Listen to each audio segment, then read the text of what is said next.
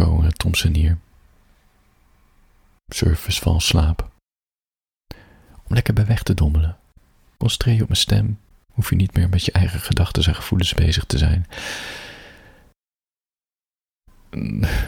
Kun je nadenken over mijn gevoelens. Voor je gaat slapen. Ik, uh, ik ging naar een vriend toe in Amsterdam. En er reden geen treinen tussen Arnhem en Utrecht. Ik had mijn auto gepakt en was naar station Zeist gegaan, daar de trein gegaan.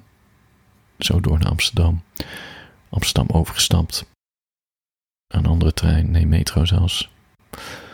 En toen ergens, uh, ik weet het niet, aan de linkerkant van het Vondelpark. En dan net buiten de ring. Het was goed, weet je. Koffie gedronken, koekjes gegeten, gepraat over, gepraat over kunst en uh, over samenwerken.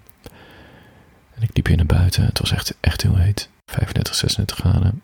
En ik denk dat ik te weinig gegeten had. En ik loop zo de trap op, het perron op van de metro. En ik zie dat ik nog 10 minuten moet wachten. En dan begon het, tinteling in mijn handen. Ik werd heel kortademig. En ik dacht, oké, okay, het, het is spanning.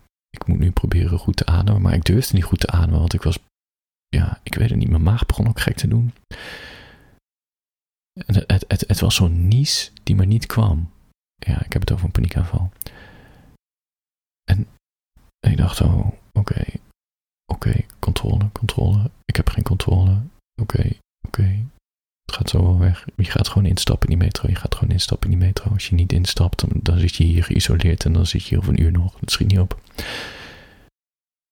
Kijken naar die klok. Beetje bewegen, maar niet het is snel, want het was te warm. En die metro komt. Ik stap naar binnen en dan raak je toch een beetje afgeleid dat je stapt. Ik ga zitten en nog steeds kortademig en ik zie allemaal mensen om me heen. En oké, mijn tas echt uh, knuffelend met mijn tas. Naar buiten kijken. Ja, en, je weet het wel, met een paniek van je moet jezelf afleiden, je moet gaan tellen, je moet dingen, maar het lukt allemaal niet. Het was gewoon, ik, ik, ik, ik zat gevangen in mijn eigen lijf. Het leek even te zakken, maar mijn maag en mijn, en, mijn darmen begonnen gekke geluiden te maken. En, en vooral van die geluidjes die dan naar boven komen naar je mond. Ik weet niet, ken je dat via je maag? Zo, het is geen boer, het is zo, uh, ja, ik kan het niet eens nadoen. Het is heel irritant, helemaal. Als je een paniekaanval voelt opkomen, dan ja, ja. Dan voelt alles waar je geen controle over hebt heel naar. Het is een beetje als je uh, uh, een paar slokken cola neemt en dan op bed gaat liggen meteen. Dan heb je dat ook. Dat borrelt maar.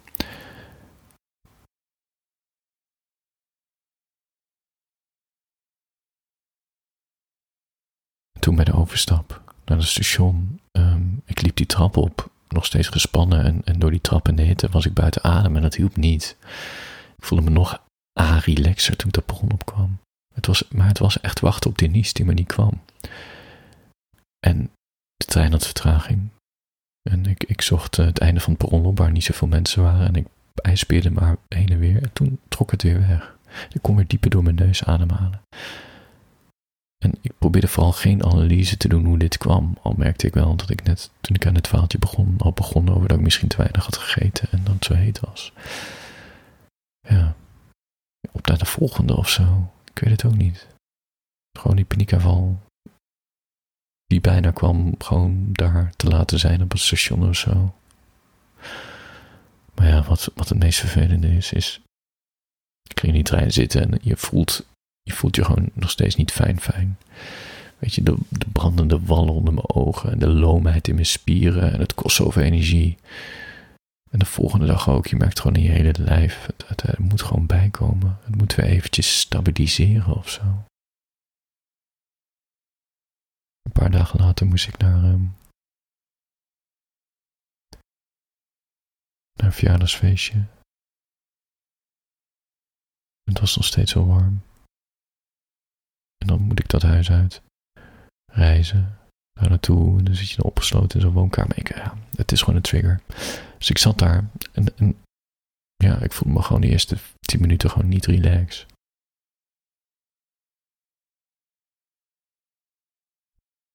Dus ik ging mezelf een beetje afleiden. Op de telefoon zitten. Terwijl je weet natuurlijk dat het heel vervelend is als je op visite bent dat je op telefoon zit. Maar ja, ik was mezelf aan het rennen.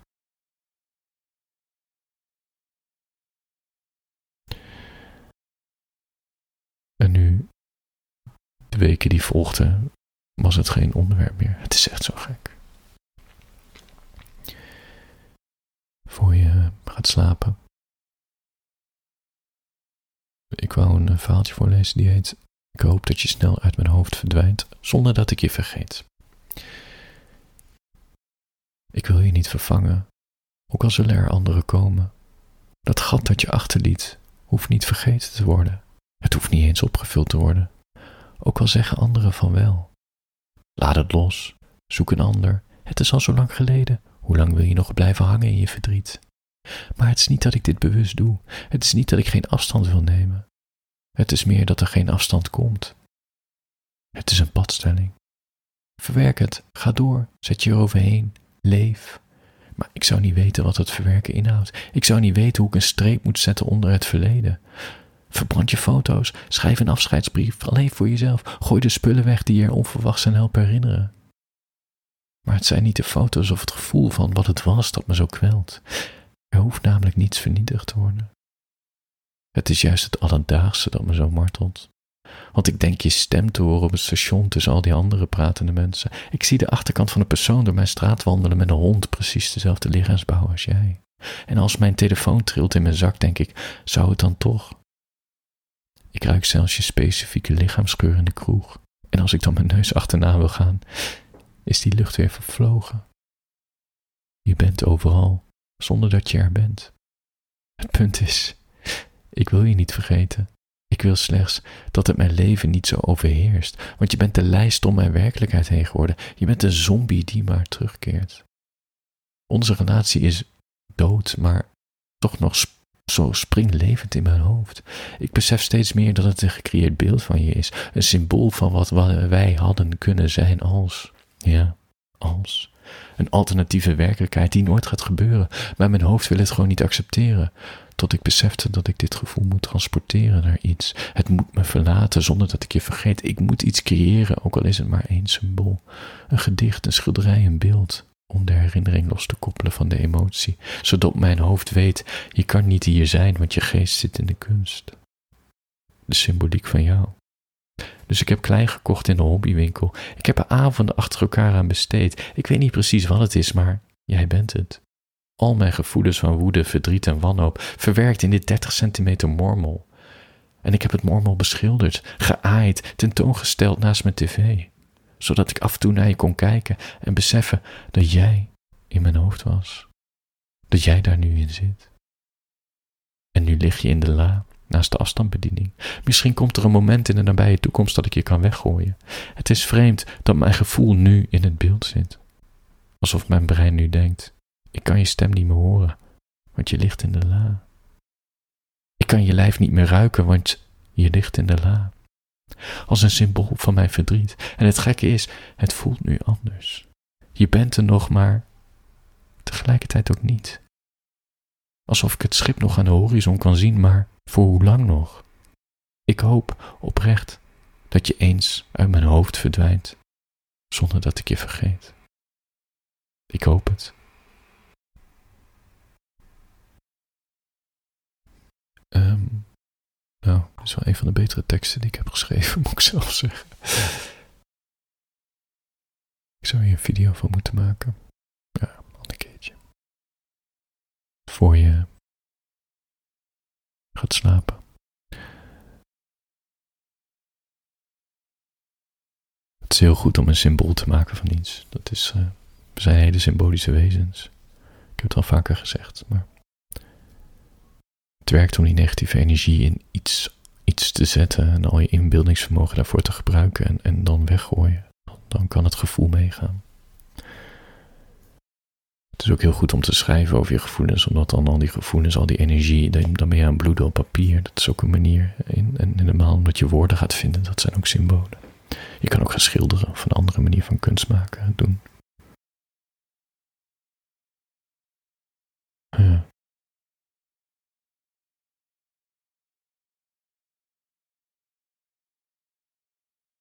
Ik zou eens een keer een symbool willen maken van al die negatieve gedachten die maar opkomen op de slechtere dagen in mijn leven. Die zijn altijd hetzelfde en ze zijn ook dodelijk vermoeiend. Maar ze voelen zo echt aan, die gedachten. Het is echt alsof het einde der tijden aan is gebroken. Dat ik voor niets hier op de wereld ben gezet. Wat natuurlijk helemaal nergens op slaat.